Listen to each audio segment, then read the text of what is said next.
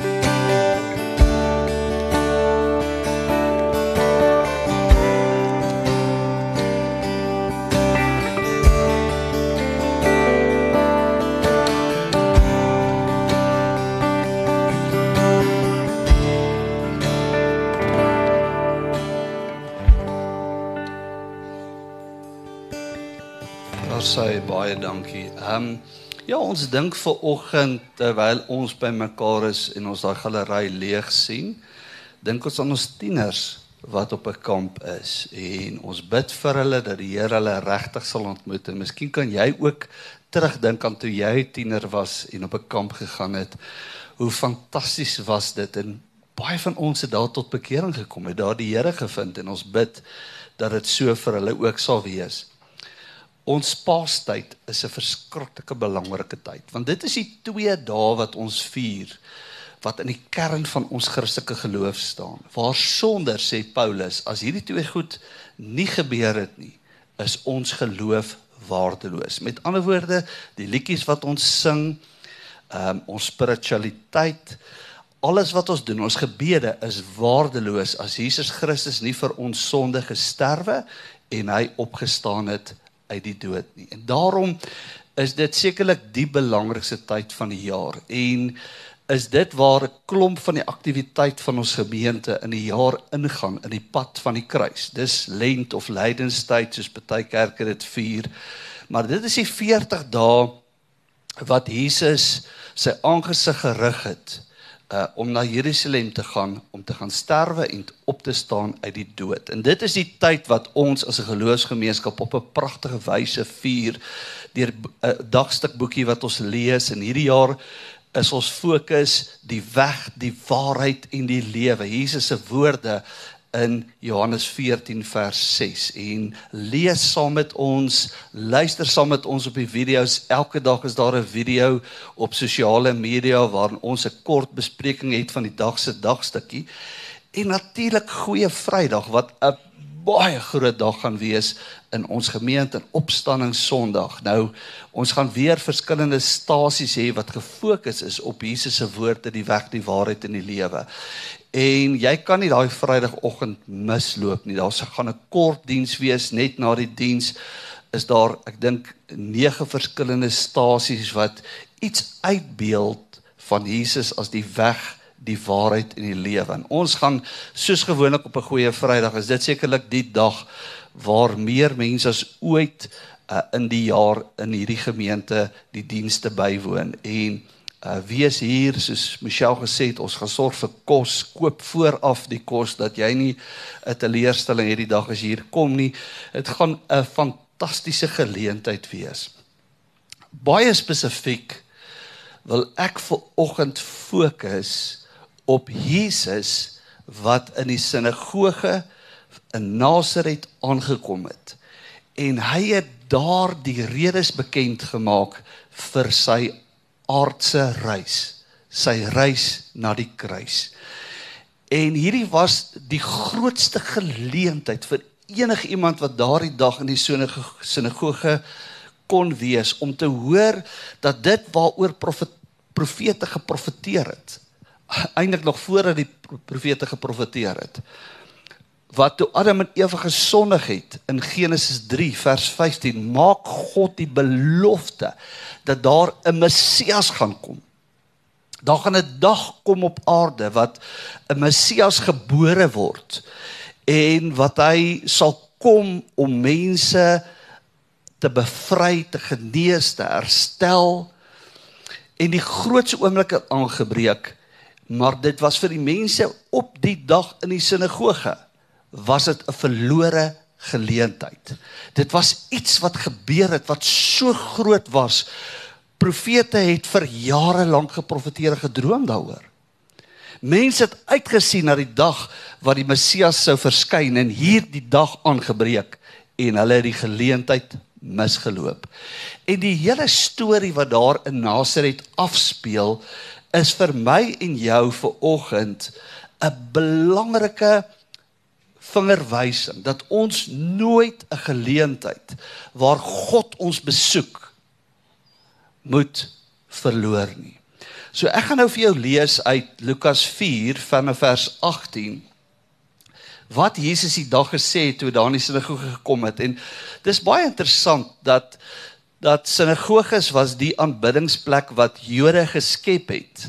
Ehm um, hulle het maar net een tempel wat daar in Jerusalem staan en jy kan tot vandag toe kan jy nog die westelike muur van die tempel, dis al wat nog oor is, kan jy besoek. En dit was die plek waar offerandes plaasgevind het en waar waar ehm um, mense heen gegaan het om te bid. En selfs Jesus in sy aardse tyd, aardse lewe het hy na die tempel toe gegaan om te gaan aanbid.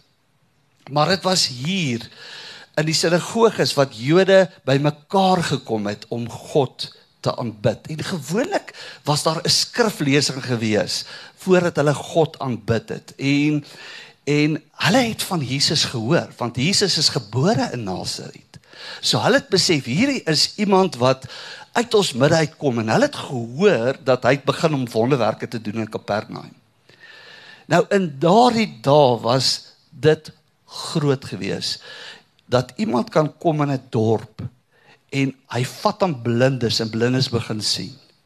Hy hy genees dowe mense.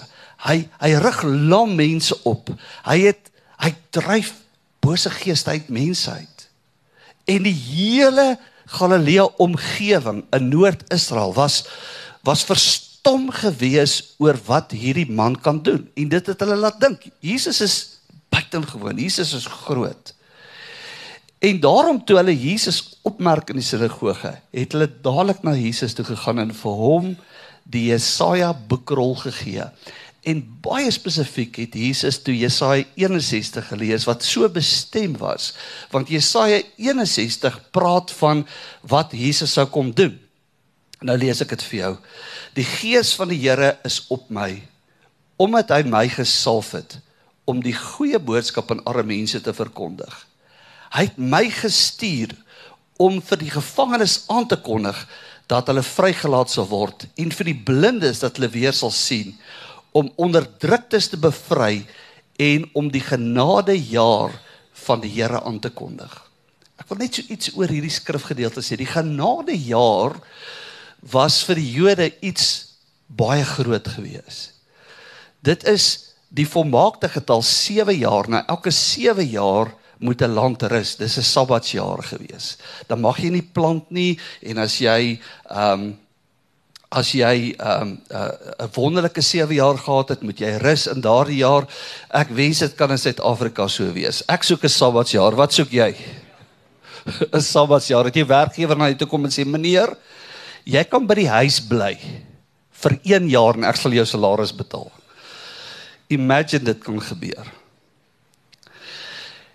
En dan 7 maal 7 jaar in die 50ste jaar was die genadejaar. Dit was 'n jaar waarin 'n slawe vrygestel was as slawe. Ehm um, as jy skuld gehad het vir 49 jaar, die 50ste jaar was jou skuld gesettel. Jy skuld niemand iets nie. Jou skuld is afgeskryf. Eiendom wat verpand was word teruggegee. Die bank moet jou lening kanselleer. Is dit nie wonderlik nie? Jy het jou huis teruggekry wat eintlik aan die bank op hierdie stadium behoort. En dan mag jy ook nie vir daardie jaar plant nie. Dit was 'n genadejaar of 'n jubeljaar. En die jaar was 'n jaar wat God geskep het in sy wysheid om iets te sê vandag gaan 'n tyd kom in menslike geskiedenis dat daar 'n genade jaar sal aanbreek vir mense op aarde. En dit sal begin by die verskyning van die Messias. En dis wat Jesus die dag daar doen. Hy sê hierdie genade jaar het nou aangebreek. Hy sê en ek het gekom om vir arme mense 'n boodskap te verkondig. En die arme mense was nie juis materieel arme mense nie. Dit was soos Matteus 5 sê, dit was mense wat geweet het hoe nodig hulle God het. Mense wat arm was in hulle gees. Hulle het God nodig gehad en Jesus staan op in die sinagoge en sê hier is ek. Ek het gekom om vir julle goeie nuus te gee. Gevangenes wat vrylating ervaar. Hierdie was nie Jesus het gekom om tronke se deure oop te maak en moordenaars vry te laat en so meer nie. Hierdie was om mense te bevry van die slawerny van sonde, skuldgevoelens, depressie en 'n klomp goeters wat mense bind. Vir blindes herstel van gesig te gee. En ons weet Jesus het verskeie blindes weer laat sien, maar hier gaan dit meer oor geestelike blindheid. Mense wat nie God kan sien nie, wat nou God kan sien. Verdrukte mense wat wat geestelike verdrukking ervaar te bevry. En hier was die oomblik waarin almal in daardie sinagoge moes besef, ons is behoeftige mense. Ons het niks om onsself beter te help nie. Ons is in skuld en sonde vasgevang. Ons kan onsself nie help. Ons is blind. Ons sien nie duidelik nie. Ons sien nie God nie. Ons is geslaan, gebroken, verpletter en nie in staat om onsself aan mekaar te sit nie. En hier kom Jesus en hy kondig aan die genadejaar van die Here wat beteken dat God jou ontmoet op die punt van jou behoefte. As een vertaling, die boodskap vertaling sê van vers 19 nie genadejaar nie. Hy sê dit so pragtig in taal wat ons verstaan. Hy sê God se bonusjaar is hier. Sy groot jaar om stikkende mense se lewe heel te maak. Ons verstaan die ding van bonus, die einde van die jaar. Ons almal wag daarvoor. As jy bonus kry, dis 'n groot oomblik. Dis die bonusjaar. Dis waar God vir jou iets ekstra gee. En en God deel hierdie goeie nuus en toe die slegte nuus met hulle mee. Nou ek onthou een keer hierdie storie wat ek gehoor het. Dit het regtig gebeur, nê? Van 'n vrou wat haar man se geliefde motor afgeskryf het. En toe nie weet hoe sy dit vir hom gaan sê nie. En dames luister, hier's 'n innoverende manier hoe sy uitgedink het om 'n man hierdie slegte nuus mee te deel. So sy kom toe na 'n man en sy sê vir haar man: "Ek het baie goeie nuus en slegte nuus. Wat wil jy eers hoor?" Hy sê: "Gee my eers die baie goeie nuus." En sy sê toe vir hom: "Daai motor vir wie jy baie lief is, nê? Nee, sy airbags werk almal." was so 'n dag gewees in in die sinagoge. Hier's baie goeie nuus, maar hier was slegte nuus. Hierdie was 'n oomblik waarna miljoene Jode uitgesien het. En tog was dit daar daardie dag as jy in 'n sinagoge kom in Kapernaum is daar na 'n sinagoge, daar kan nie meer as 100 mense in 'n sinagoge kom nie. En hier sit 100 mense wat so bevoorreg is om te sit waar hulle sit. Maar hulle koppe staan in die pad van God se genade. God het vir hulle hierdie nuus kom meedeel. Vandag het die Messias verskyn vir julle 100 wat hier sit. Hier is ek. Ek is hier om wonderwerke vir julle te doen. En die slegte nuus was die tragiese werklikheid. Hulle het die geleentheid gemis weens twee goed wat hulle nie gehad het nie: geloof en gehoorsaamheid. En hulle het Hulle kop het in die pad van God se genade gestaan. Hulle het begin redeneer. Kan dit regtig wees? Ons weet nou vir al hierdie wonderwerke wat in Kapernaum gedoen is, maar kan dit regtig wees dat hy die Messias is? Kan nie wees nie. Ons ken hom. Hy's Josef en Maria se seun wat hier groot geword het in Nasaret. En en hulle het hom verwerp die dag. Die Bybel sê hulle het so kwaad geword toe hy hierdie woorde spreek. En daar het hulle bietjie met hulle kop gedink het en rasioneel hierdie saak benader het dat hulle hom letterlik wou vermoor. So kwaad het die duiwel hulle gemaak. Die tragiese gevolg van wat daar gebeur het is dat dat Jesus het nie vir een van hulle wonderwerk gedoen nie. Ons weet dit want dit staan in Matteus 13 vers 58 en hy kom daar van wie hulle ongeloof nie kragtige dade doen nie. Iemand het die afgelope week lees ek 'n aanhaling van iemand wat gesê het ons lewens word gedefinieer deur geleenthede en selfs die wat ons mis. Hier was 'n geleentheid gewees. Hier was 'n opportunity gewees. En weens hulle ongeloof en hulle ongehoorsaamheid kon hulle nie Jesus se wonderwerke wat hy beskik het daardie dag. Ek bedoel, as daar 'n dag was in die geskiedenis waarin Jesus wonderwerke wou doen, was dit daardie dag. Want hier was die groot oomblik van sy aankondiging dat hy het gekom om gevangenes vrylating te gee, om aan armes die evangelie te verkondig, blindes herstel van gesig, verdruktes in vryheid weg te stuur. Hy, hier was die oomblik vir 'n wonderwerk. En hulle het dit gemis weens hulle ongeloof en ongehoorsaamheid. En nou gaan ek ietsie vir julle sê wat julle dalk gemis het. Baie mense lees net tot hier by vers 19. Daardie gedeelte Lukas 4. Maar dit is verskriklik interessant wat Jesus toe sê.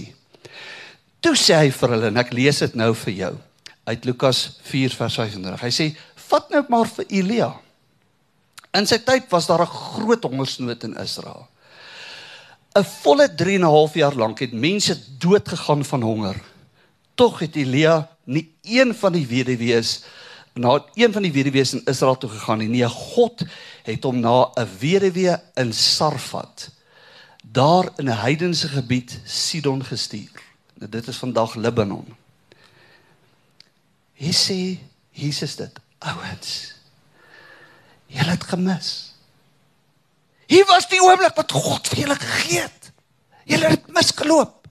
Dit was soos die dag toe daar hongersnood was op die aarde.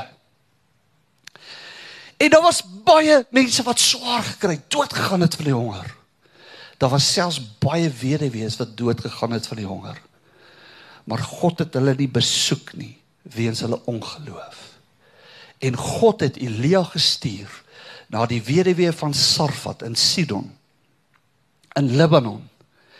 En hy het daar vir haar weens haar geloof en haar gehoorsaamheid het hy vir haar kos gegee. Deur hierdie hongersnood. En dan sê hy ook in die tyd van die profeet Elisa, dit was die twee groot profete in Israel. Elia en Elisa. In die tyd van Elisa was daar baie melaatses in Israel.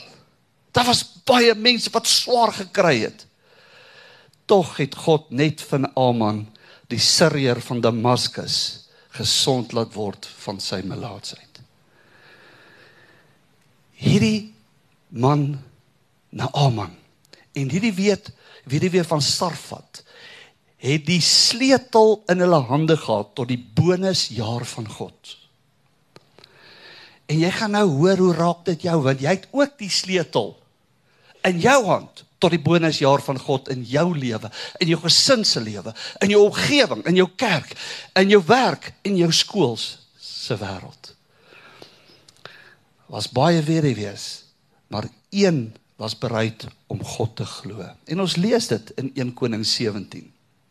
Toe Elia vir haar gesê het en dis daai bekende storie. Hy kom by die weduwee en hy sê vir haar man, gee vir my 'n bietjie brood om te eet. En sy sê ek het net 'n bietjie meel ek het net 'n bietjie olie. En daar's niks meer oor nie. En Eli en El, Elia sê vir haar, maak vir my iets gaar. bak vir my 'n broodkoek. En sy vat daai bietjie meel en sy vat daai olie en soos wat sy dit begin uitgiet, begin dit te vermeerder. Ons ken almal die storie. Hoe God haar en haar seun gered het van hongersnood. Ons weet van die baie melaatses in Israel. Melaatsheid was een van die groot siektes in daardie tyd gewees.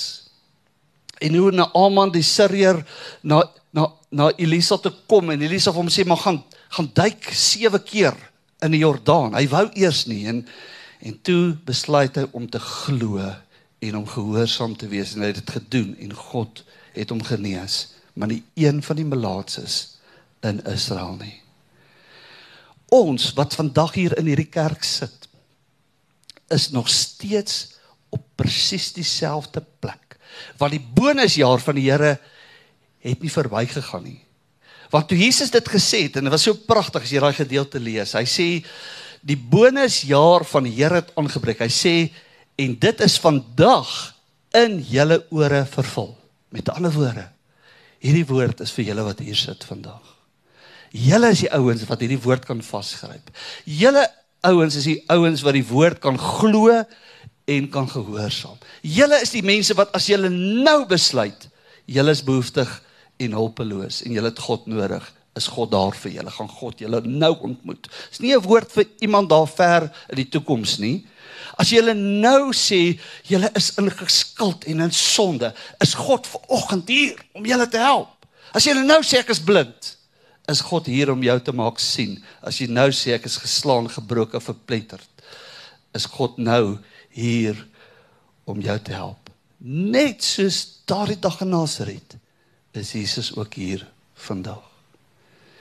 Miskien terwyl jy luister, dink jy aan waar jy is, waar jou gesin is, wat jy ervaar.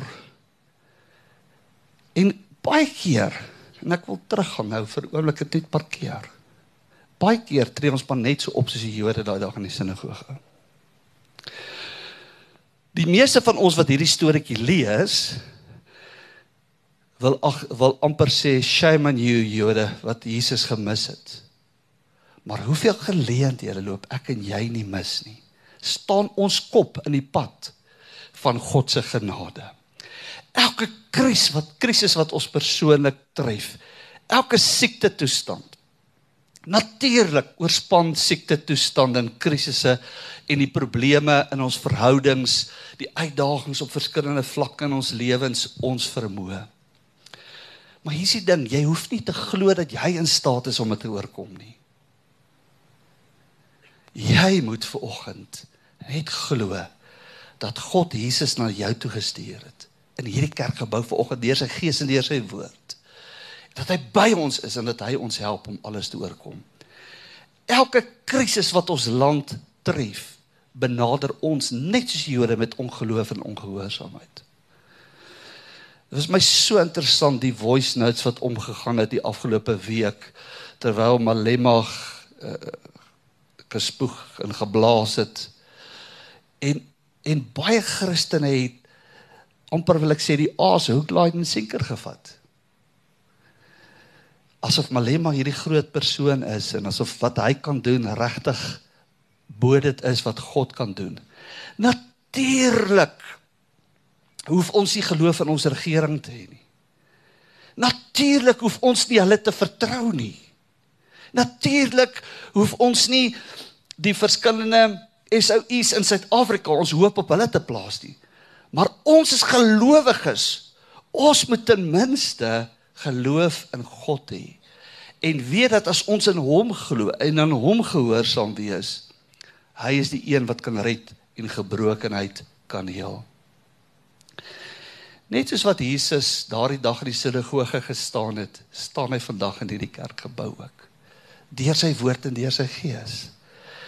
En hy roep jou uit. Hy sê vir jou as jy dors is, kom. Kom, hy's vandag hier. Hy's hier om jou dors te les. Hy's hier om jou honger te vul. Hy is hier net soos hy na na Aman en wat so wat die Jode so kwaad gemaak het daardie dag het hy eintlik vir hulle sê julle dink julle spesiaal omdat julle Jode is. God is nie die aannemer van persoon nie. God kyk nie na jou waar jy vandaan kom en jou jou jou geslagslyn en of jy konings en priesters in jou geslag lei dit nie. God kyk na jou hart.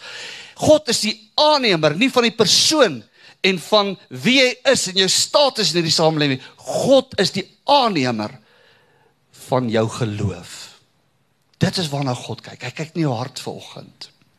Dit het die Jode briesend gemaak dat hy hulle sou vergelyk met met twee heidene, Naaman die Sirier en die weduwee van Sarfat wat eintlik van Libanon afkom, 'n Libanees is. Hoe durf Jesus om hulle wat die uitverkose volk van God is te vergelyk met hierdie twee heidene en sondaars? Mens sien God gee nie om wie jy is, waar jy vandaan kom nie.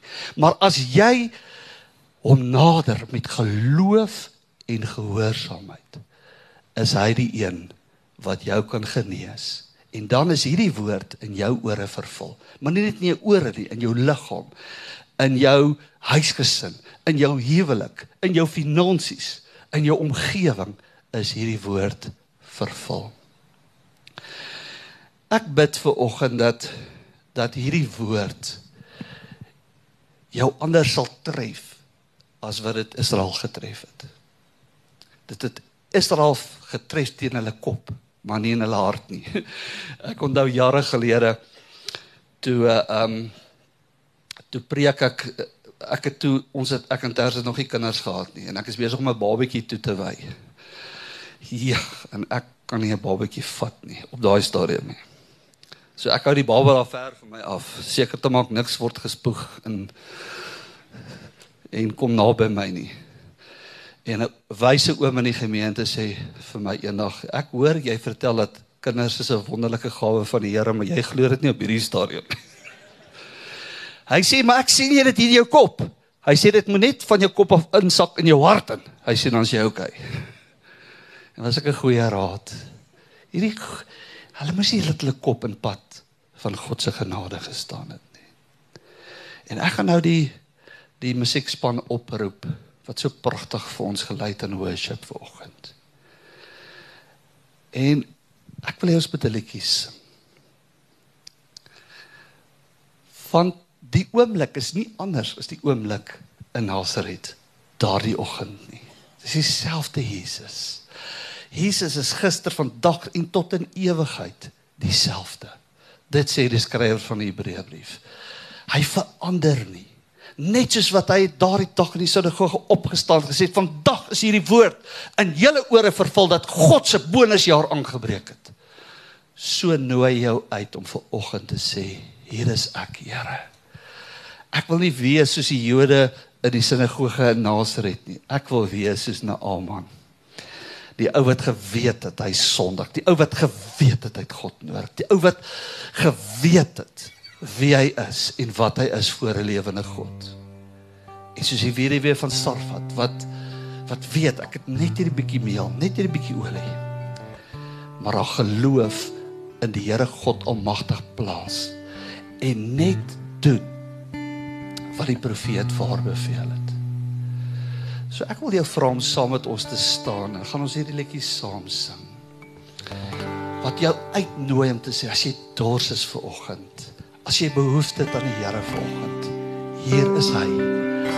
Hy is hier en hy kondig God se bonusjaar aan.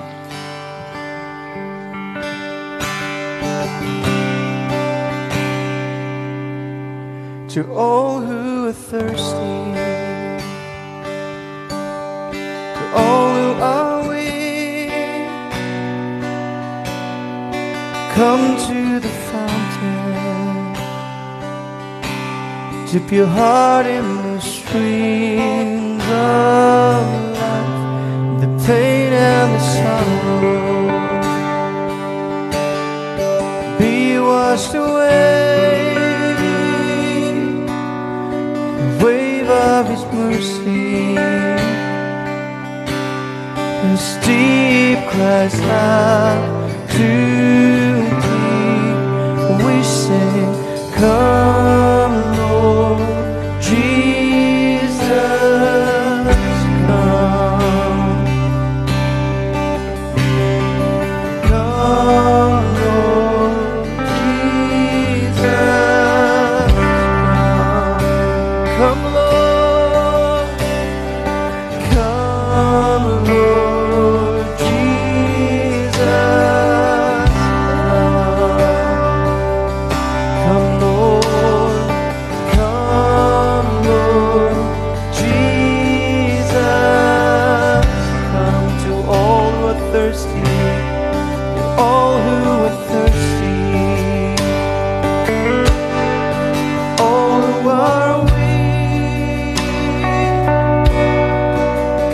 to the fountain. Dip your heart in the stream.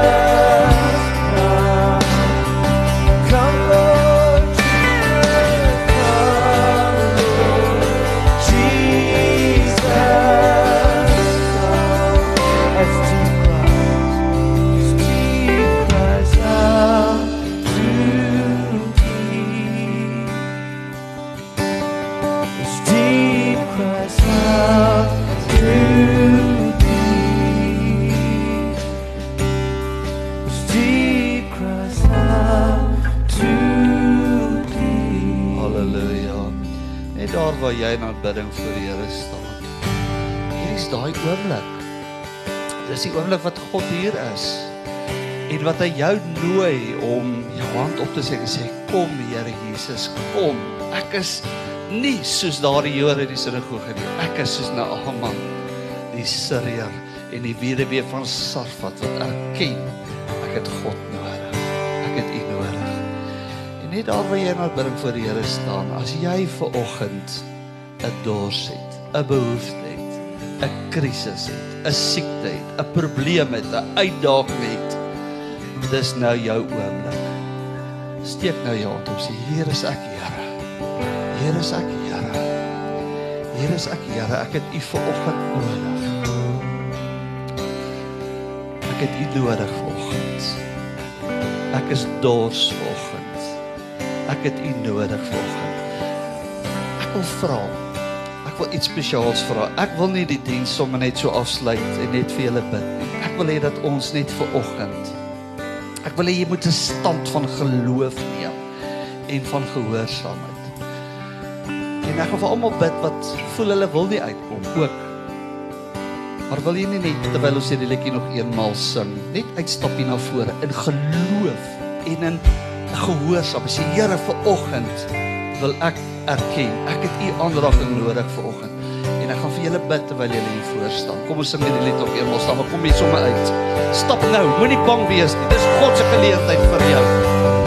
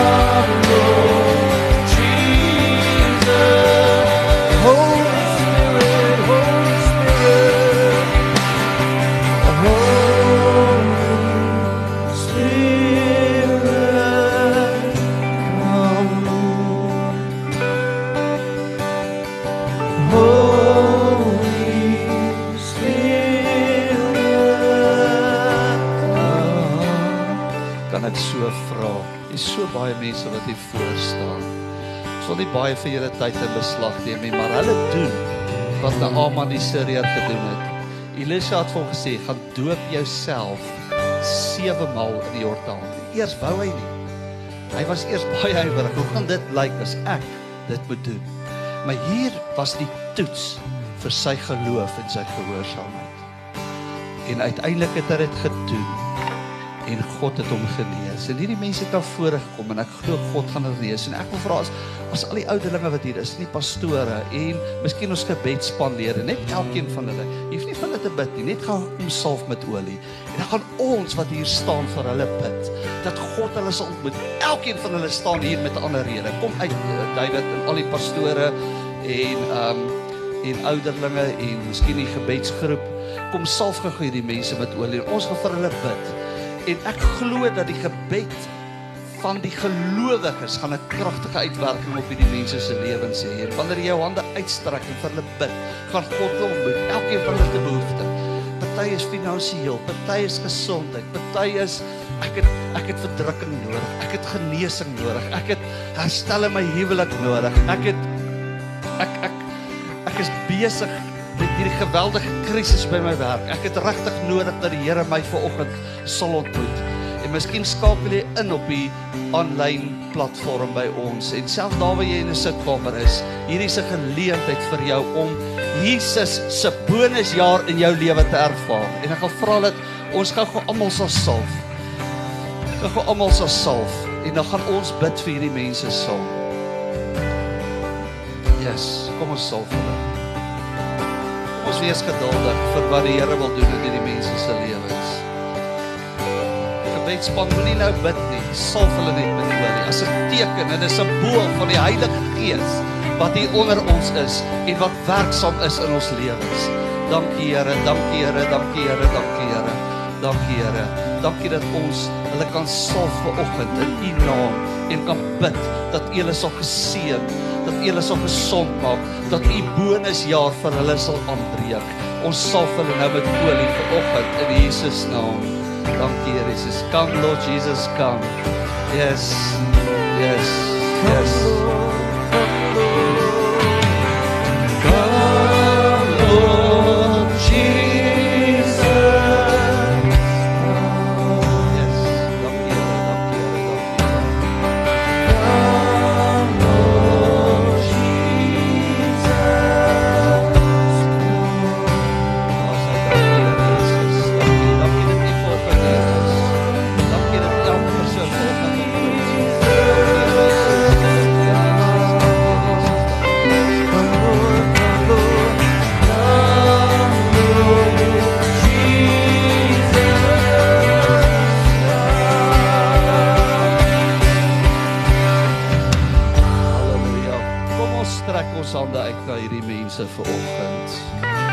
Asof dit jy is wat in krisis is, asof dit jy is wat in hulle skoene staan. En jy sien van Aman die Sirier met sy melaatsheid. Jy sien die weduwee van Sarfat in 'n krisis. Sy weet nie waar gaan die brood vir vanmiddag vandaan kom nie. Maar sy vertrou die Here God Almagtig wat in staat is om vir haar brood te gee in 'n hongersnood. En sy vat haar laaste bietjie meel, haar laaste bietjie olie in gehoorsaamheid. En die olie het nie opgehou nie, die meel het ook nie opgehou nie. Here, ons bid vir hierdie mense as gelowiges. Ons bid vir hulle in die naam van Jesus Christus dat U hulle sal ontmoet vanoggend. Here dat iets in hulle lewe sal gebeur, dat daar 'n deurbraak sal wees, want net soos wat U in die sinagoge gestaan het daardie oggend in Nasaret staan U in hierdie kerkgebou by hierdie mense stil. Toe ons gesing het Come Lord Jesus come, het U gekom, Here, en U het hulle aangeraak en hierdie olie waarmee ons hulle gesalf het, getuig Here van die Heilige Gees se kragtige, se salwende teenwoordigheid. En ons bid Here dat van hierdie oomblik af, Here, daar deurbrake sal kom. En net soos Naaman die Sirier genees is, net soos wat die weduwee van Sarfat vir haar behoefte hulp ontvang het, dat elkeen van hulle sal ervaar en beleef hoe U vir hulle onderneem. Dankie Here vir U goedheid. Dankie vir U seën. Dankie dankie dat die aangename jaar van die Here in ons ore vervul is vanoggend. Here, ons neem dit wat U vir ons doen in gehoorsaamheid en in geloof. En Here, ons ervaar die deurbrake wat U vir ons gee. Ons bid dit vanoggend in Jesus naam.